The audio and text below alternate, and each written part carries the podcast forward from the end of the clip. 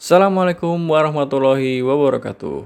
Halo teman-teman, perkenalkan saya Hiswa Nafal Muhammad, mahasiswa Ilmu Komunikasi Universitas Muhammadiyah Yogyakarta, angkatan 2019. Kita berjumpa lagi di podcast saya, Podcast by Val.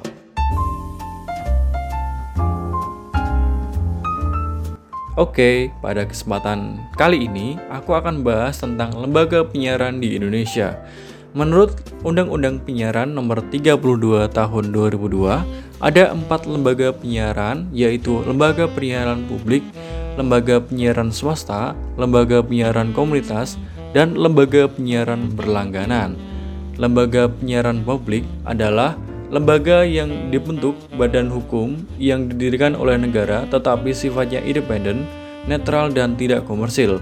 Lembaga penyiaran ini adalah Televisi Republik Indonesia dan Radio Republik Indonesia atau RRI. Yang kedua ada lembaga penyiaran swasta. Lembaga penyiaran yang bersifat komersil berbentuk Badan Hukum Indonesia yang bidang usahanya hanya menyediakan radio atau televisi warga negara asing dilarang menjadi pengurus lembaga penyiaran kecuali di bidang keuangan dan teknik.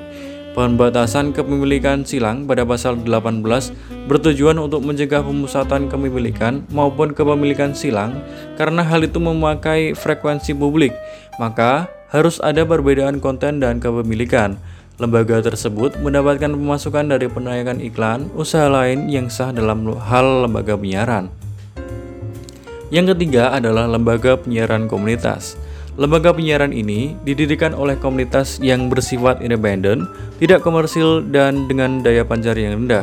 Selain itu, luas jangkauannya yang kecil dan bersifat melayani komunitasnya. Tidak boleh mencari keuntungan dari hasil produksi pada lembaga penyiaran ini, karena tujuannya berbeda dengan lembaga penyiaran swasta. Pendapatan dari penyiaran komunitas ini dapat diperoleh dari sumbangan, hibah, dan sumber lain yang tidak mengikat. Lembaga ini tidak boleh menyiarkan iklan komersil kecuali iklan layanan masyarakat. Yang terakhir ada lembaga penyiaran berlangganan. Lembaga ini dibentuk oleh Badan Hukum Indonesia yang menyediakan hanya menyelenggarakan jasa berlangganan dan juga mendapatkan izin. Secara teknologi ada tiga, yaitu melalui satelit seperti MNC Vision atau Indovision melalui kabel seperti UCTV dan melalui terestrial. Jadi teman-teman ada tiga jenis lembaga penyiaran yang ada di Indonesia menurut Undang-Undang Penyiaran Nomor 32 Tahun 2002. Silakan dicermati kembali dan diputar ulang supaya kalian uh, mengerti dan paham. Dan terima kasih telah mendengarkan podcast ini.